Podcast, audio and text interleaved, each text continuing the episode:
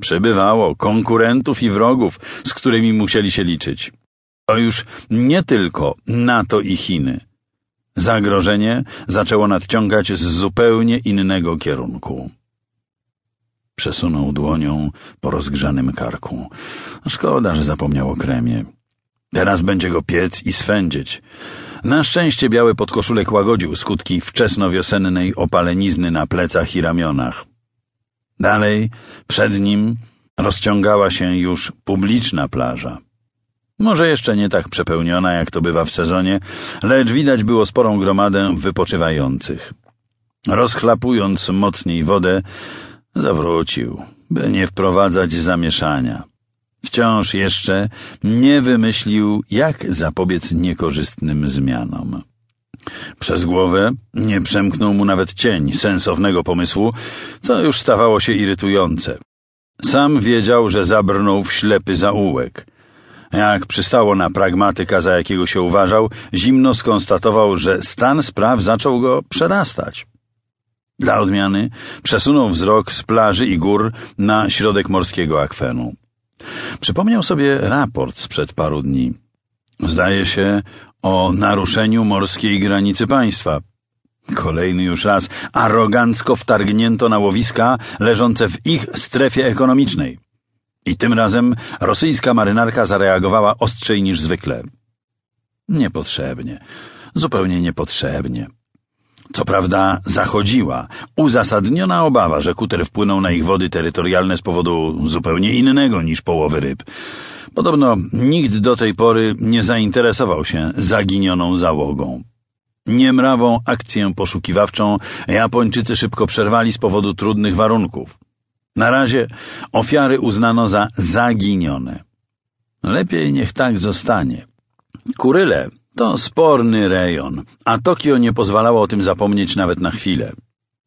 Wyszedł z wody na plażę. Ochota na dalszy spacer minęła mu bezpowrotnie. Pod stopami zachrzęściły kamyczki. Schylił się i podniósł jeden najbardziej płaski. Odwrócił go i płynnym ruchem puścił pomiędzy falami. Naliczył cztery odbicia. Nieźle. Sięgnął po następny i podrzucił w dłoni.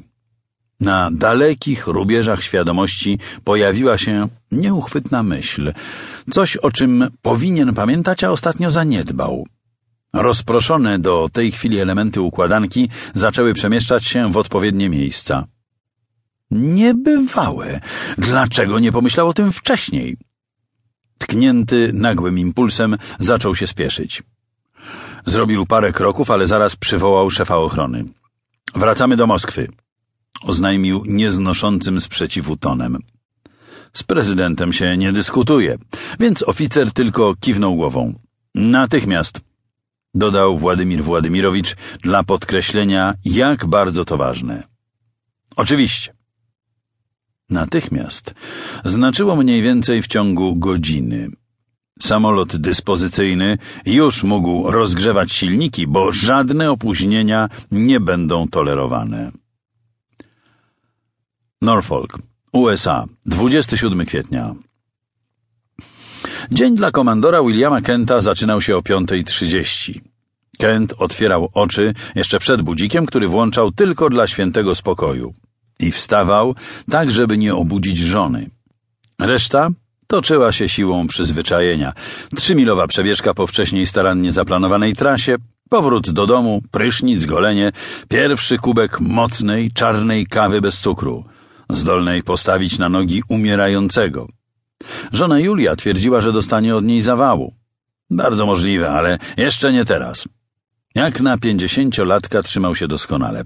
Może nie był wysoki, raptem 178 centymetrów wzrostu, więc przy młodszych i na ogół wyższych mężczyznach czuł się nieswojo, za to problemów z nadwagą nie miał żadnych. Przez całe życie był szczupły i umięśniony. Kasztanowe włosy, zawsze starannie ostrzyżone, układał z przedziałkiem na prawą stronę, a harmonii dopełniała opalenizna twarzy i ciemnoszare, głęboko osadzone oczy. Dzisiaj był jednak szczególny dzień. Po raz pierwszy wychodził w morze jego okręt USS California –